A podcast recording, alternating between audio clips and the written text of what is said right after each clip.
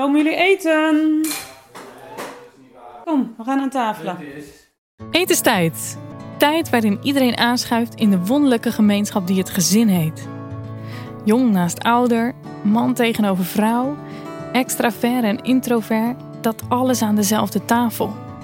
Karakters die zich nooit vervelen en kinderen die zo uitgespeeld zijn. Kinderen die altijd buiten zijn en ouders die soms echte huismussen zijn. Toen God de mens schiep, schiep hij ook karakters. En hij zag dat het zeer goed was. Ook na de zondeval hebben we onze eigenheid behouden, maar wel met scherpe randjes en een zondige geneigdheid. In het opgroeien binnen de veiligheid van het gezin bouw je aan de persoonlijkheid van ieder kind. Je hoopt dat die tot ontwikkeling komt, in natuurlijk en in geestelijk opzicht. Persoonsvorming wordt gezien als een belangrijk opvoedingsdoel, ook in het onderwijs. Gezamenlijk zien we het nut ervan, maar tegelijkertijd vinden we het moeilijk wat we er nou precies onder verstaan en hoe je dat aanmoedigt, de vorming van de unieke persoon. Daarom van harte welkom in deze zesde aflevering van het vierde seizoen van de podcast Bij ons thuis. Dit is een podcast van het Reformatorisch Dagblad over christelijke opvoeding en mijn naam is Henrike Hogendijk. In elke aflevering verken ik een dagelijks opvoedingsthema vanuit verschillende perspectieven.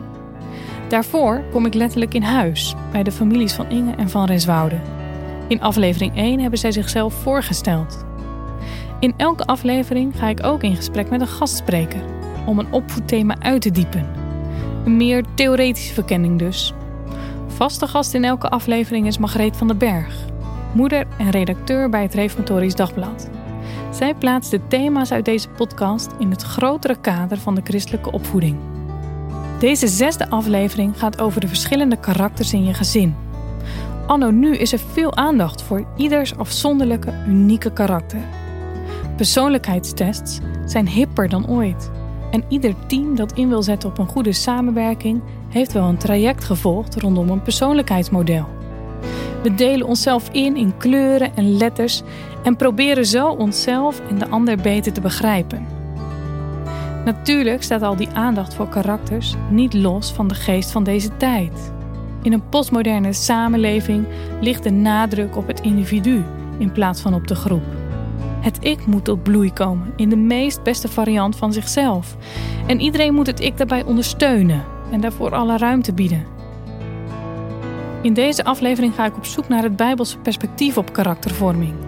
De termen persoonsvorming, eigenheid en karaktervorming gebruik ik daarbij door elkaar, hoewel er vanuit theoretisch oogpunt een verschil bestaat. Ik ga in deze aflevering onder meer in gesprek met Alice Methorst, die moeder en PCM-coach is. Het ontdekken van je eigen karakter en elkaars karakter is iets waardevols, als dat gebeurt in verwondering om Gods unieke gaven, zegt zij. Ze noemt het zelfs genade als je karakter op een mooie manier gevormd wordt in de christelijke opvoeding. Maar hoe wordt dat concreet in het gezinsleven van alle dag?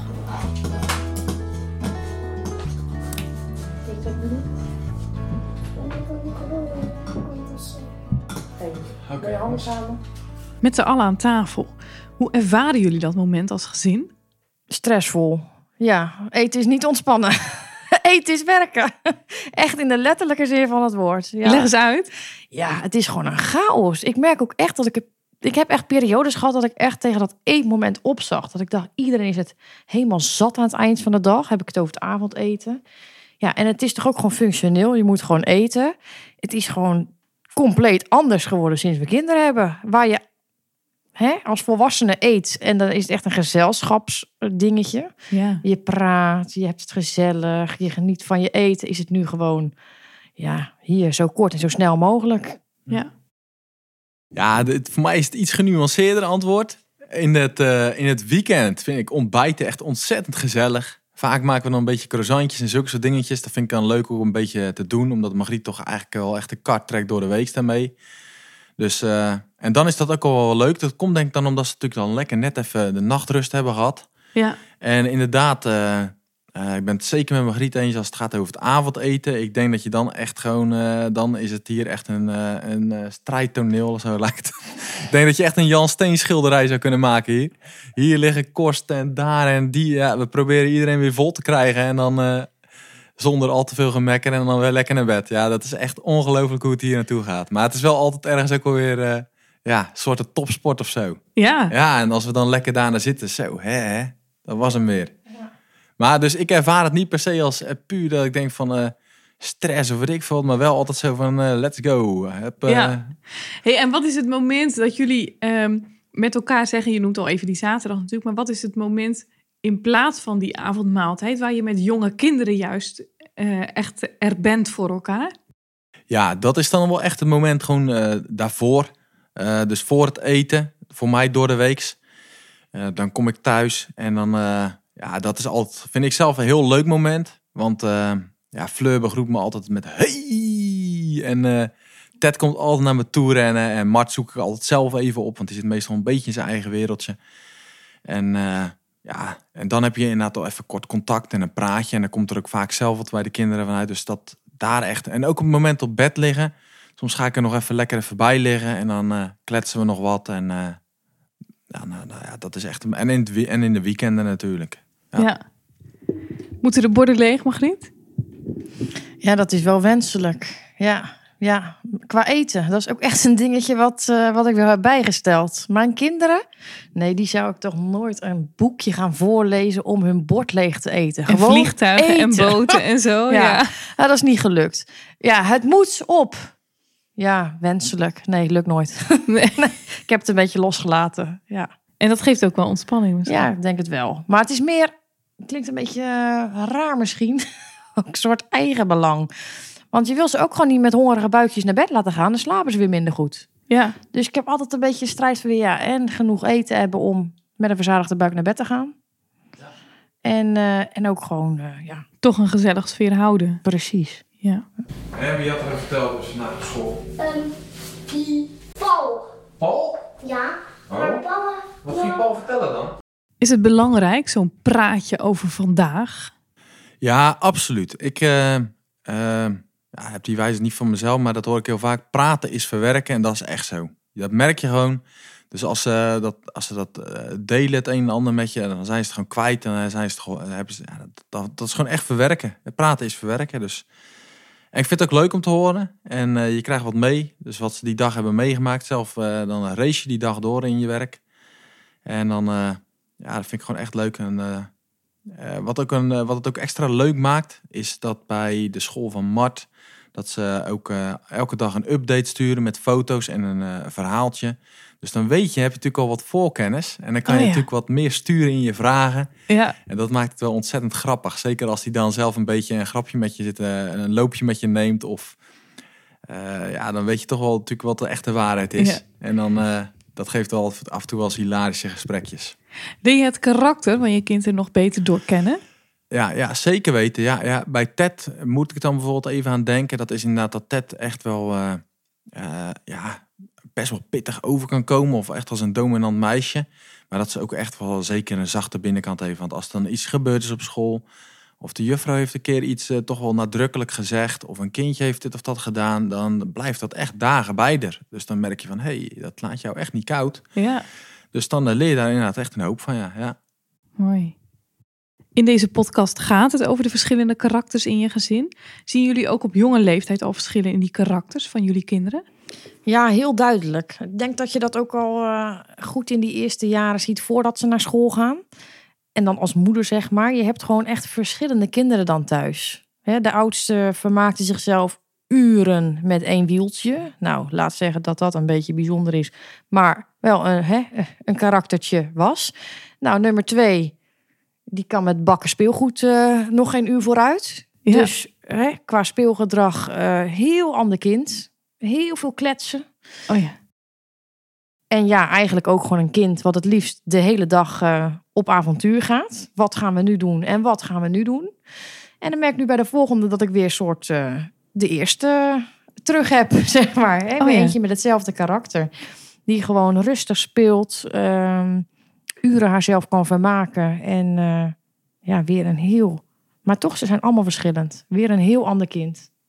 En kun je dan zeggen dat dat eh, jezelf heel lang vermaken, dat dat dan later terug te zien is in dat het kind bijvoorbeeld echt wel een beetje doorzettingsvermogen laat zien om iets echt tot het eind toe te doen? Dat kan ik nog niet goed zeggen, denk ik. Ik denk, eh, dat weet ik niet. Nee, moeilijk. Want Marty kan bijvoorbeeld urenlang spelen. Maar dan lees je in verslagen weer terug. eh, heeft een heel kort spanningsboogje. Boog. Dus eh, waar wij dachten, nou, je kan hem uren. Maar hij kan dus uren spelen. Alleen als je hem wat wil leren, Oh ja. is zijn spanningboogje heel kort. Hoe leer je de kinderen om elkaars karakter te waarderen? Ja, ik denk eh, de mooie kanten van iemand hè, als ouder te benoemen. En dan hoor je heel grappig dat ze dat zelf over gaan nemen. Oh ja? Dus dan hoor je Ted als een oude ziel tegen Mart zeggen... Mart, wat heb je dat mooi getekend? Nou, dan denk ik, ja, dat had je anders niet bedacht. Maar dat heb je al eh, honderd keer van eh, je moeder gehoord. In de pedagogiek is het een boeiend onderwerp. Worden karakters nou geboren of worden ze gevormd? Heeft God de uniciteit voor ieder van ons bepaald? Of is onze persoonlijkheid veel meer een gevolg van de opvoeding die we krijgen, de plaats waar we wonen en de mensen die we daar ontmoeten? Voor deze aflevering ga ik in gesprek met Alice Methorst. Ze is moeder van vier kinderen in de leeftijd van 22 tot 9 jaar. En ook PCM-trainer en coach bij Driester Educatief en in haar eigen praktijk. En je bent ook domineesvrouw, getrouwd met, moeder. Heel veel rollen heb je. Zegt dat iets over jouw eigen karakter? Ah, leuke vraag. Ja, ik denk dat het iets zegt over mijn karakter en ook over eh, energie die ik heb. En ook over, eh, nou, dat wat God mij geeft in mijn leven, heeft gelegd in mijn leven, om dat te kunnen gebruiken op heel veel plekken. Nu hebben jullie natuurlijk ook vier kinderen, dus vier karakters in je gezin. Ik ben heel erg benieuwd, Alice, hoe verschillend zijn de karakters in jouw gezin eigenlijk? Nou, eh, verschillend. Eh, zoals mijn man en ik ook verschillend zijn. Dus je ziet dat eh, de ene misschien iets meer heeft van mijn man en de andere iets meer van mijn vrouw. En tegelijkertijd allemaal hun eigen unieke karakter hebben. Mooi. En welke karakters zie je dan heel erg goed op elkaar aansluiten in het gezin? Nou, de diversiteit in karakters is gewoon, denk ik, uniek in elk gezin. En tegelijkertijd is het, ehm, nou, degene die eerst wat langer nadenkt voordat hij wat zegt, eh, brengt iets moois. En degene die heel snel iets zegt, brengt ook iets moois. Dus wat is, ja, wat sluit mooi aan? Of wat, wat eh, ja, hoe, hoe vind je samen je weg als gezin daarin? Daar gaat het meer om dan dat het bij voorbaat al vast ligt wie met wie goed kan. Ja, dat denk ik wel. Ja, en ook onze leeftijdsopbouw in het gezin is natuurlijk ook wel ergens, eh, nou niet uniek, maar ze zitten niet heel dicht op elkaar. Dus de oudste twee die zitten wel dichter op elkaar, maar daarna Die zijn 22 en 22 en 20. ja, En dan een zoon van 15 en een zoon van 9. Dus doordat je als leeftijden ook al verder uit elkaar ligt, heb je ook allemaal je eigen leeftijdsfase. ja. Ja, dat brengt ook iets moois en dat heeft ook, eh, geeft er ook wel weer kleur. Mooi. We gaan er straks verder over in gesprek. Alice, om aan het begin van dit gesprek het meteen helder te hebben, waar hebben we het precies over als we het hebben over karakter? Ja, als het gaat over karakter, dan denk ik aan hey, hoe is een kind? Eh, wat zie je aan bijzondere eigenschappen bij een kind? Eh, waar springt hij in uit? Waar valt hij door op? Dat. Ja, en dat is anders dan het gedrag wat je op dit moment ziet. Ja, want gedrag kan, eh, dat heeft natuurlijk ook alles te maken met hoe is je karakter. Maar gedrag is ook veel breder. Van hé, hey, ik neem daar mijn karakter in mee. Maar ook hoe ben ik gevormd vanuit mijn context? En wat wordt er van mij verwacht? Dus daarin kan ik ook heel veel aanpassen eh, van wat wel of niet mijn karakter is. Ik was benieuwd, waarom hebben wij in de schepping allemaal een uniek karakter gekregen? Ja, mooie vraag eh, vind ik dat. En ook een grote vraag. Eh, daarbij eh, denk ik altijd aan Psalm 139. Van, eh, waarin God zegt, u hebt mijn nieren geschapen, mij in de schoot van mijn moeder geweven. Dus het gaat om u. U, Heere, deed dat. En ik loof u, omdat ik ontzagwekkend wonderlijk gemaakt ben. Wonderlijk zijn uw werken. Ik denk als we zo naar kinderen mogen kijken, als we zo naar onszelf mogen kijken, ja, dan, dan zien we veel moois van wat God in zijn schepping heeft gelegd. Hoe klein een kind nog is, soms zie je al iets van zijn of haar karakter. Je merkt dat je kleine nichtje een echte doorzetter is en je peuterneefje is nu al de clown aan tafel. In hoeverre ligt het karakter van een kind al vast bij de geboorte? Ja, dat zijn natuurlijk grote vragen. Hè? Van in hoeverre ligt het al vast? Maar ik geloof dat ieder kind met zijn of haar eigenheid geboren wordt. Eh, en tegelijkertijd ehm, ook gevormd wordt door de plek waar je geboren wordt. In welk gezin kom je? Ja, genade is denk ik als je karakter eh, gevormd mag worden eh, op een mooie manier. Dus het ligt vast voor een deel en tegelijkertijd eh, heb je ook veel nodig van je omgeving. Um, karaktervorming wordt wel genoemd als een belangrijke taak voor opvoeders. Maar hoe doe je dat nou precies? Vormen van het karakter van je kind. Nou, voor mij begint het allereerst bij ehm, als ik mijn kind zie, het kind of de kinderen die we van God ontvangen hebben, kan ik dan het kind ontvangen zoals uh, God het heeft gemaakt. Uh, daar begint voor mij uh, karaktervorming. Misschien is het eerst wel, kan ik het kind nemen zoals het is, met zijn of haar mooie kanten, maar ook minder mooie kanten. En daar begint het voor mij. Dus dan begint het niet bij het kind, maar begint het bij mij als moeder of bij ons als ouders. Ja, en bij wat dat karakter van het kind vanaf jongs af aan dus al is. Zeg je daarmee dat dat karakter misschien wel meer te maken heeft met interactie, met hoe jij als opvoeder tegen je kind aankijkt en hoe jullie met elkaar omgaat, dan dat het precies iets is van het kind zelf, van hoe het kind is? Nou, niet of-of, denk ik. Ik denk en-en. Dus dat, je, dat het, het is echt een stukje eigenheid. Nou, en uh, kan ik die eigenheid blijven zien? Ook als ik als moeder misschien wel um, heel anders ben. Of, uh, en dan spreek ik niet alleen vanuit mezelf, maar ook in wat ik om me heen zie. Van kan ik dat stukje waarin mijn kind anders is dan ik, kan ik dat ook ontvangen? En kan ik daarop uh, volgen en pas daarna vormen? Ja, dat is interessant wat jij zegt. Um, dat ontvangen en daarop vormen. Maar het karakter van jouzelf als opvoeder kan best heel sterk verschillen van het karakter van je kind. Hoe kun je dan toch ontvangen en aansluiten? Ja, ik denk ook dat het dan echt weer begint bij onszelf als, als opvoeder. Van uh, ja, ik, ik kan anders zijn, maar hoe kijk ik naar mezelf? En uh, hoe ontvang ik mezelf uh, daarin, in mijn eigen karakter? Hoe zorg ik ook voor mijn eigen behoeftes als opvoeder? En als ik daar uh, weet hoe, dat, hoe ik dat moet doen, dan kan ik ook aansluiten bij wat mijn kind nodig heeft, of wat een kind in de klas nodig heeft, of ja, een kind in mijn omgeving nodig heeft. Kun je eens heel concreet maken hoe je een kind dan helpt om zijn eigen karaktereigenschappen te ontdekken? Ja, misschien wel mooi om dat vanuit PCM gewoon eens toe te lichten. Als, we, als je vanuit PCM kijkt naar, naar karakters, dan uh, zeggen we we hebben zes verschillende persoonlijkheidstypen. Die hebben we allemaal in ons. Dus ik heb van het een iets meer dan van het ander, maar ze zijn allemaal in mij, bij mij. En elk type heeft zijn eigen karaktersterkte. En als ik dat zie, als ik dat observeer, kan ik daar dan aansluiten en kan ik mijn kind daar ook in waarderen. Ook als bijvoorbeeld karaktersterkte uh, is kalm en reflectief en verbeeldend, terwijl ik zelf heel veel energie heb, bijvoorbeeld. Of andersom, als ik behoefte heb aan tijd alleen en mijn kind is heel energiek. Ja, hey, zulke verschillende karakters kun je dus terugzien in een gezin.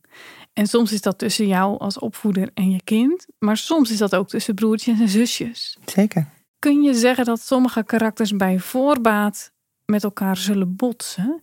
Nee, volgens mij kan je dat niet bij voorbaat zeggen. Want aan de ene kant, als je natuurlijk heel verschillend bent, kan je ook uh, een hele mooie aanvulling zijn op elkaar.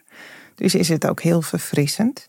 Uh, als je allemaal een beetje hetzelfde bent, heb je dus ook hetzelfde nodig. Misschien wel op hetzelfde moment. Dus ook dat kan botsen.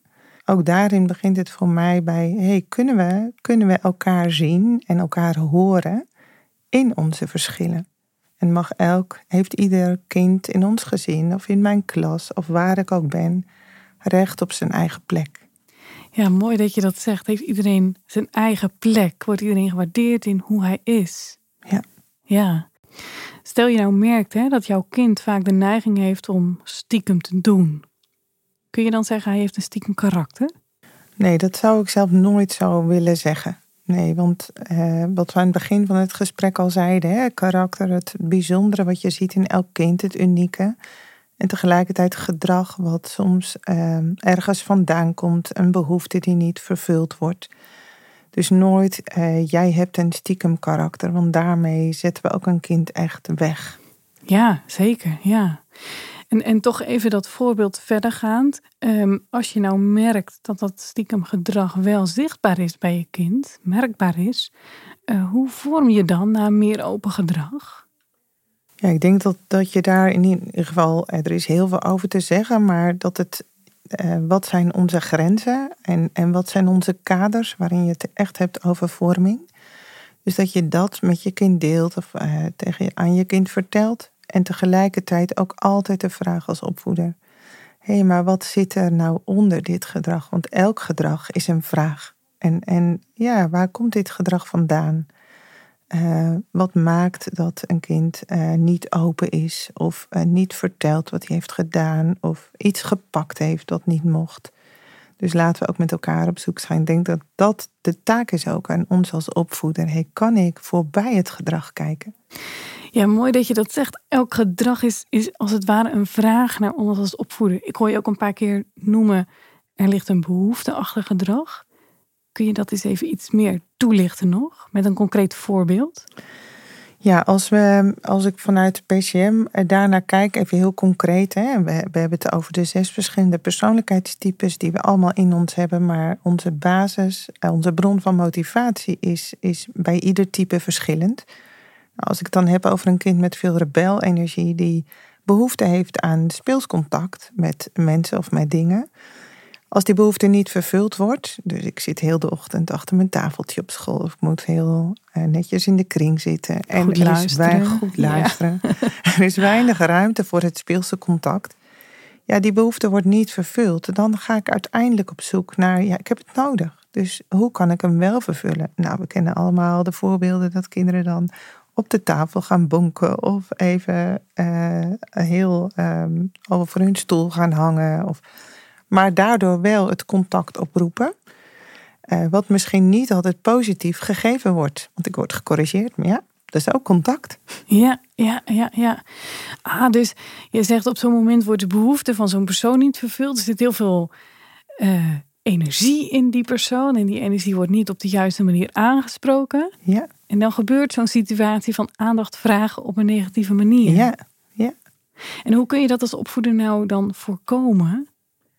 Nou, kijk allereerst, probeer erachter te komen van wat heeft een kind nou nodig? Waar, waarmee kan ik hem motiveren? Motiveer ik hem door dat speelse contact? Of motiveer ik hem door erkenning voor wie hij is? Of door te luisteren naar zijn overtuiging?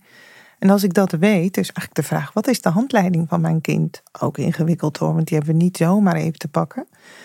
Maar ga er nou naar op zoek en van daaruit kijk van, en als ik daar nou bij aansluit als opvoeder, ja, wat geef ik ze dan voor moois mee en wat leer ik ze daarin ook? En hoe ouder ze worden, hoe meer je ze ook daar zelf bewust van kunt maken. Hé, hey, ik heb behoefte aan uitdaging. Hoe kan ik die voor mezelf ook organiseren, waardoor ik niet in de negatieve uitdaging hoef te gaan zitten? Ja, mooi. Dus jezelf kennen als opvoeder, maar ook de handleiding van je kind lezen. Ja, leuke uitdagingen. Nou hè, prachtige opdracht. Zeker, ja. Ik heb nog een laatste vraag aan jou, Alice. Uh, in mijn Bijbel lees ik dat bescheidenheid een sieraad is. En dat gerichtheid op de ander belangrijk is. Als je in deze tijd om je heen kijkt, dan merk je dat die eigenschappen juist niet zo populair zijn. Er wordt misschien wel eerder naar een sofa-training verwezen dan dat bescheiden gedrag een compliment krijgt.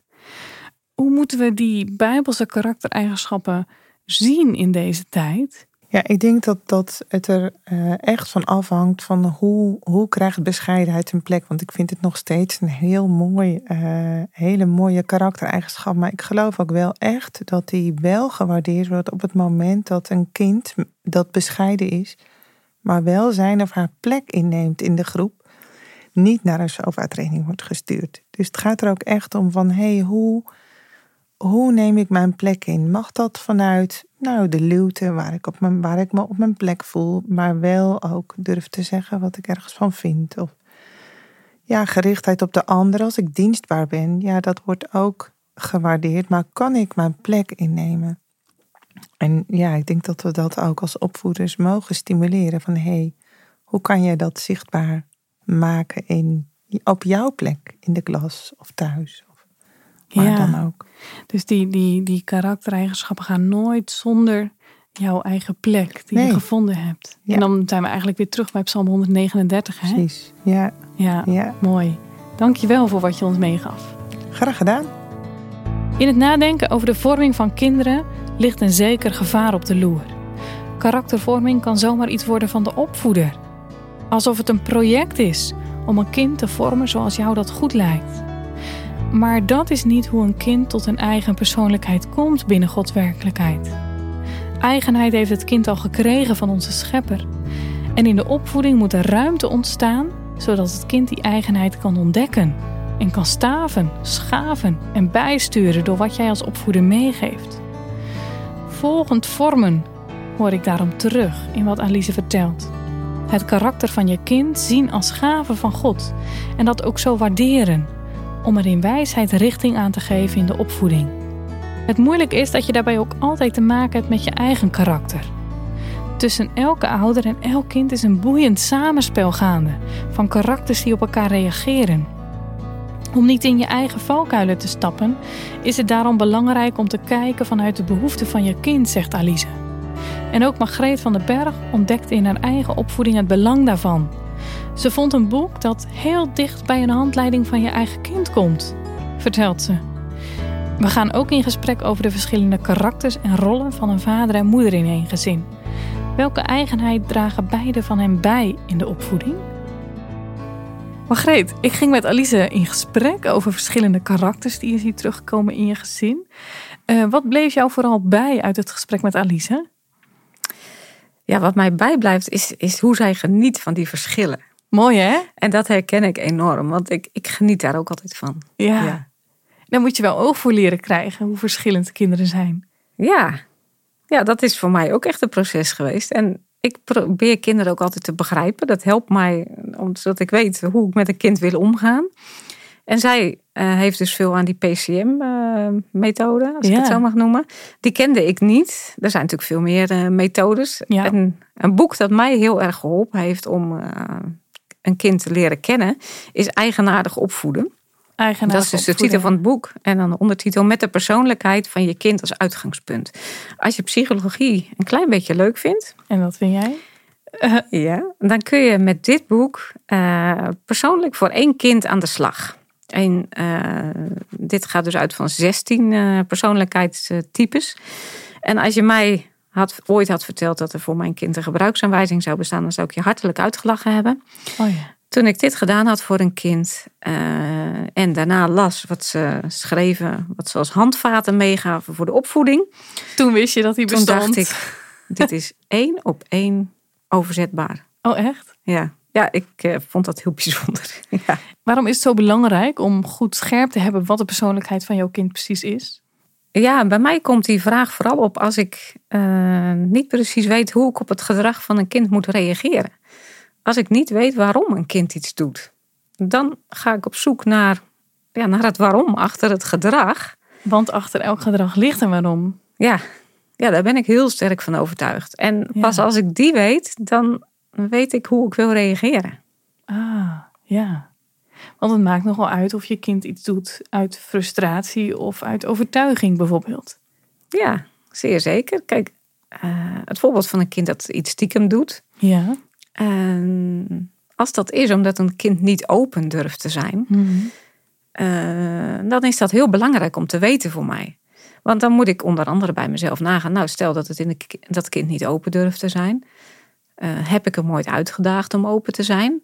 Is het kind ooit open geweest? Hoe was mijn reactie toen? Was ik veroordelend? Eh, heb ik hem toen gestimuleerd om vaker open te zijn? Ja. Of niet? Ja, dat zijn allemaal wel dingen die ertoe doen dan. Ah, dus het, het levert ook een stuk zelfreflectie op als opvoeder. Ja. Ja, mooi. Hey, nou heeft Alice vooral gesproken over de verschillende karakters van kinderen in je gezin. Ehm, het leek mij heel erg mooi om, om ook verder in gesprek te gaan over het verschil van vaders en moeders in een gezin. Ze hebben natuurlijk hun eigen karakter, maar misschien kun je ook wel zeggen dat ze heel duidelijk hun eigen rol hebben in de opvoeding. De laatste jaren is daar steeds meer onderzoek naar gedaan.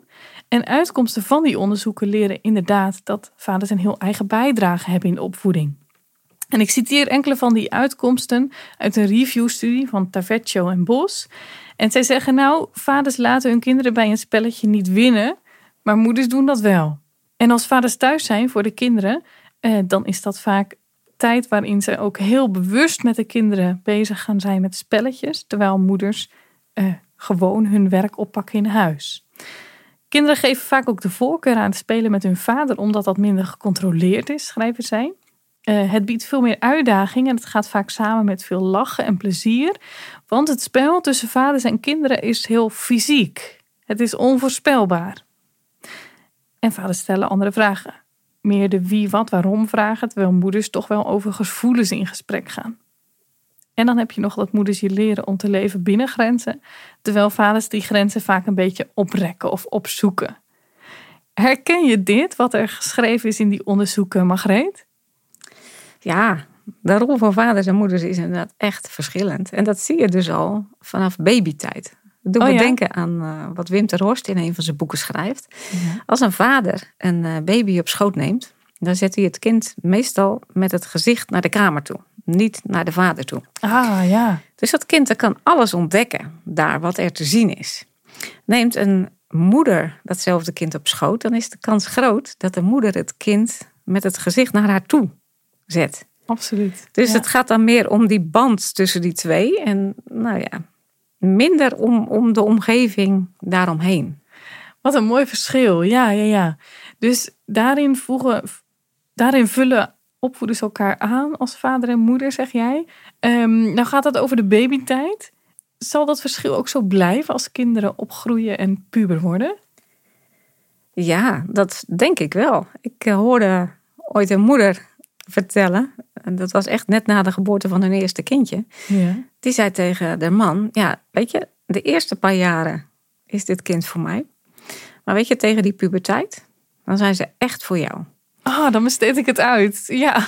Nou, dat niet helemaal, denk ik, maar wel. Kijk, deze moeder was heel verzorgend ingesteld. Dus Ja. die voelde zich helemaal eh, op de gemak bij dat, eh, bij dat getut in die eerste jaren, zeg maar.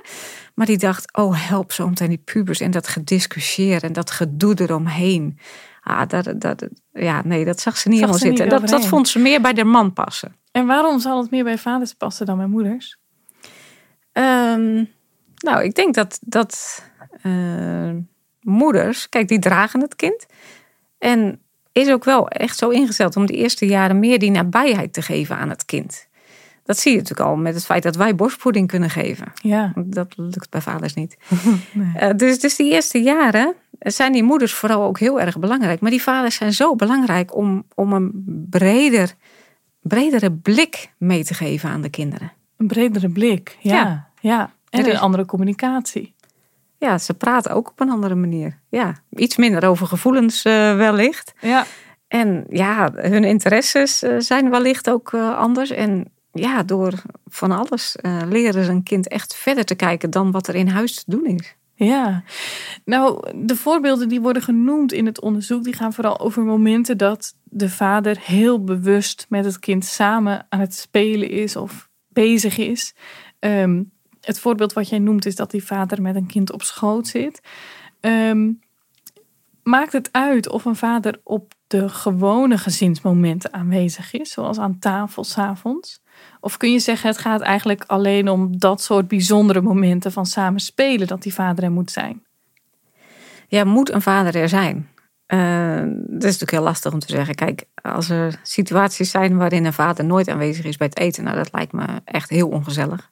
Het is Ja. natuurlijk heel fijn om gewoon met z'n allen aan tafel te zitten, maar er kunnen omstandigheden zijn waar, waar het prima gaat, maar waar die vader nooit aanwezig is. Maar dan zal die dus op andere momenten wel aanwezig zijn. Dus op welk moment je aanwezig bent, ja, je kunt niet zeggen het ene moment is beter dan het andere moment. Al is zo'n tafelmoment natuurlijk eh, heerlijk, omdat je dan met z'n allen even zit. Dat is wel een heel bijzonder moment. Dus Ja, ik maar zou moet je dat moment koesteren als gezin?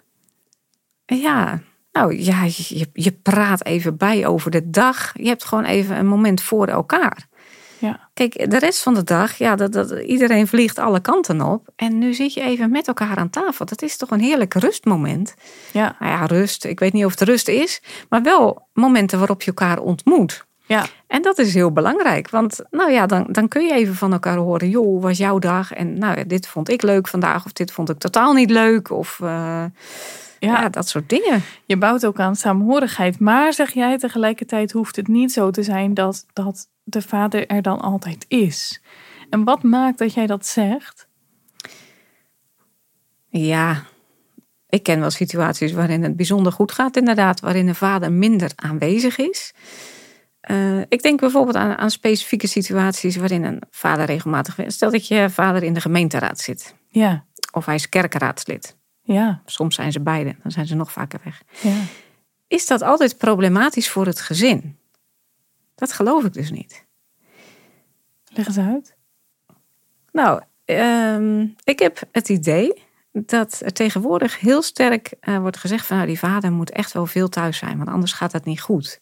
Ja, Ehm, ja, daar sta ik genuanceerder in, want ik geloof dat er meer roepingen zijn dan alleen de roeping van je gezin. ja. Als God jou bijvoorbeeld roept om eh diaken of ouderling te worden, dan sta je als gezin, dus je, je man, je vader, voor een bepaalde tijd gewoon af aan andere mensen. ja, dus die roeping is er niet alleen voor de vader zelf, maar die herkennen en herkennen jullie als gezin ook, zeg je. Ja, Ja, en kijk, als ik als moeder dan bijvoorbeeld eh, dat heel moeilijk vind, omdat ik het gezin eigenlijk niet aan kan, dan zullen kinderen denken, ja, mijn vader was altijd weg. Het was altijd een probleem, want ja, mijn vader zat al die jaren in de kerkraad.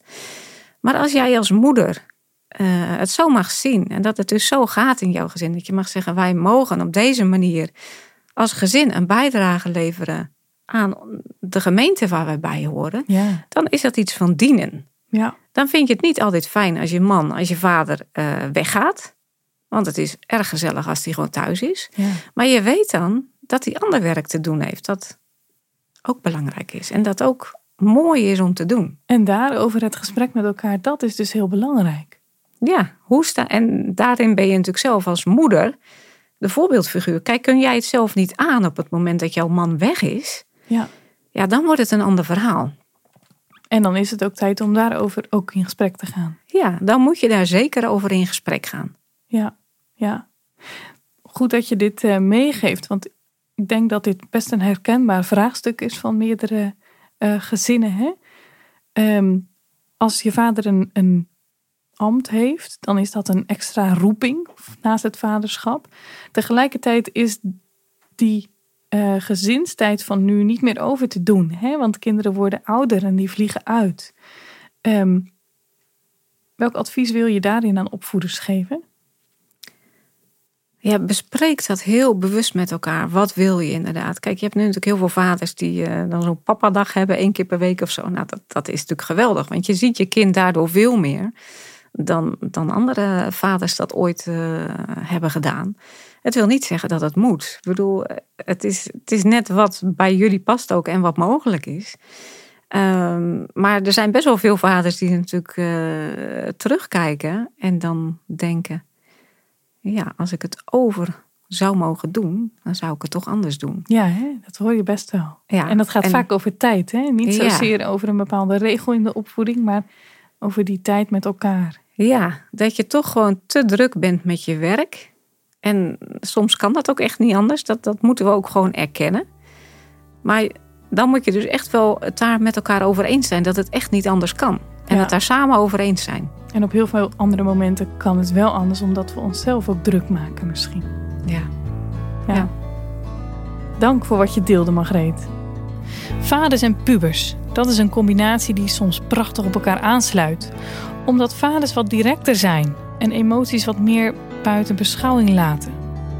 Wie Leonard van Inge ontmoet, maakt bij uitstek kennis met een pubervader.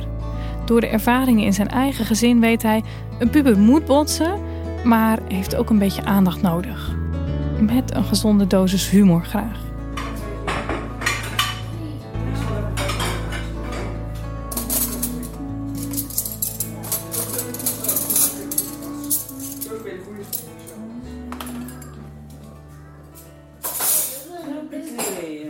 tafel bij Huizen van Inge. Is dat het mooiste moment van de dag voor jullie? Ehm, het is wel ja, op zaterdag en zondag na eh, een van de weinige momenten dat je of met z'n allen bent, of de oudste twee vallen af. Maar over het algemeen ben je wel even met z'n allen. Ik denk wel dat dat een mooi moment is. Meestal zijn er ook wel wat gesprekken over eh, wat er gedaan is of eh, wat ze nog moeten gaan doen. Ja, en aan de andere kant, eh, dat is ook niet altijd zo. Want de andere ke- keer, eh, zoals vanavond, zat er nog eentje alleen maar grappen te maken. Ja, nou ja, dan is die maaltijd ook heel anders. Ja, Elke maaltijd heeft zijn eigen dynamiek. ja dat is eh, wel heel verschillend hier, oh ja. Maar dat we stil zijn, dat eh, heb ik nog niet meegemaakt, geloof ik. Nou zitten er bij jullie aan tafel heel verschillende leeftijden, maar ook heel verschillende karakters. Ehm, eh, wat merk je van hoe die karakters elkaar aanvullen? Of dat ze misschien juist botsen met elkaar? Hoe gaat dat? Verschillende karakters aan één tafel? Een puber botst altijd tegen iedereen. Die eh, zat aan tafel en die zegt... eh, die eh, was boos aan het doen, tenminste puber aan het spelen. En toen, toen zeg ik, zeg ik tegen hem, wat is er nou? Vertel het nou eens. Hij zegt, ik wil aandacht. Ik zeg, oh joh, wacht, ik eet even mijn bord leeg kom ik even bij je. Nee, dat bedoel ik niet. Ik wil gewoon even dat jullie om me lachen. Oh joh, zeg dat dan. Dus wij gingen met z'n allen lachen. En Samuel zat in zijn stoel te kijken van wat gebeurt hier. en die zet het ook op een lachen. Ja, nou ja. Toen was iedereen aan het lachen. En de puber was ook weer tevreden gesteld. En dan is dat moment weer prachtig opgelost. Ja, dat is echt opgelost. En dat is natuurlijk met een puber. Ze willen zich eh, eh, gezien weten natuurlijk. Dat, eh, Ja. ja. Hoe zorgen jullie ervoor dat, dat elk karakter zich gezien weet aan die, die grote tafel hier? Ja, dat is denk ik niet altijd even makkelijk, maar ja, je kent ze natuurlijk al zo lang, dus je weet ook wel ehm, wie hoe denkt. En ja, daar speel je denk ik wel op in. En de, ja, ik verwacht zelfs dat je dat gewoon helemaal onbewust doet. Dat zit er al zo ingebakken. Dat, eh, ja, bepaalde grappen kun je nu natuurlijk wel maken, die je vroeger niet kon maken. Nou ja, grappen, eh, opmerkingen. Ja, dat, eh, dat heb je als ouder worden. En daar merk je gewoon, de jongeren, de jongeren gaan daar ook wel, nou niet in mee, maar ehm, ik denk dat hun meer weten dan ik op die leeftijd. Ja, ze hebben een heel andere opvoeding. Ja. Ja, Met allemaal vaders en moeders erboven. Ja. ja, ja, ja, ja, maar dat is de bedoeling niet. Ze mogen geen vader en moeder spelen. Nee, en je blijft van elkaar af. Hoe ervaar jij dat, al die verschillende karakters hier thuis, eh Klazina? Ja, nou, je moet inderdaad echt wel voor waken dat ze elkaar weer niet gaan corrigeren. Want dan blijf je bezig dat de een de ander doet. En dat je daar toch ook wel even een, eh, een grens in trekt. Een stop, Ja. zeg maar. Ja. Zo, het was erg lekker, maar erg voedzaam. Dus ik eh, ben eigenlijk wel een beetje klaar. Maar ik moet wel jou, Morgen, overmorgen en die dag daarna eten we hetzelfde, denk ik ik. moet jou vernietigen. Annemij, ga eens eten alstublieft. Want u gaat weer als een speer, hè? Mag ik ook soep? Oh, Ik wil ook soep. Oh, sorry hoor. U ook nog soep? Ga jij eens even lekker eten hier? Arie stuurt een... eh, Gaat u maar lekker soep nemen hoor. Nee, ik hoef helemaal geen soep. ik ben Ik moet er wel meer soep. Niemand? Ik, eh, Nee, helemaal niet. Jij hebt je bord niet leeg. Hoe kun je een kind oefenen om iets te leren eten wat hij of zij eigenlijk niet lust? Ehm, dan minder. Ja, natuurlijk. Het is niet altijd iedereen zijn lievelingskostje. Dat gaat ook niet altijd. Maar ja, de ene die eet toch wat makkelijker alles mee dan de ander. En dan maar wat minder van de hoofdmaaltijd. En dan iets meer toetje. Dat de maag toch gevuld is. Ja, daar ben ik dan wel wat makkelijker in. Het hoeft echt niet met een lege buik naar bed hoor. Nee. Jullie zijn heel bewust hè, met eten dat je ook als wat over de datum is, dan moet je gewoon ruiken in plaats van dat je gelijk naar die datum kijkt en zo. Hoe gaan jullie om met eten dat aan de datum raakt? Nou, inderdaad. Even gewoon wel ruiken, proeven. En je weet ook gewoon, winkels moeten een datum erop zetten. Want je kan niet in het eindeloos blijven kopen. Maar Ehm, bepaalde dingen zijn echt nog wel een paar dagen prima te eten.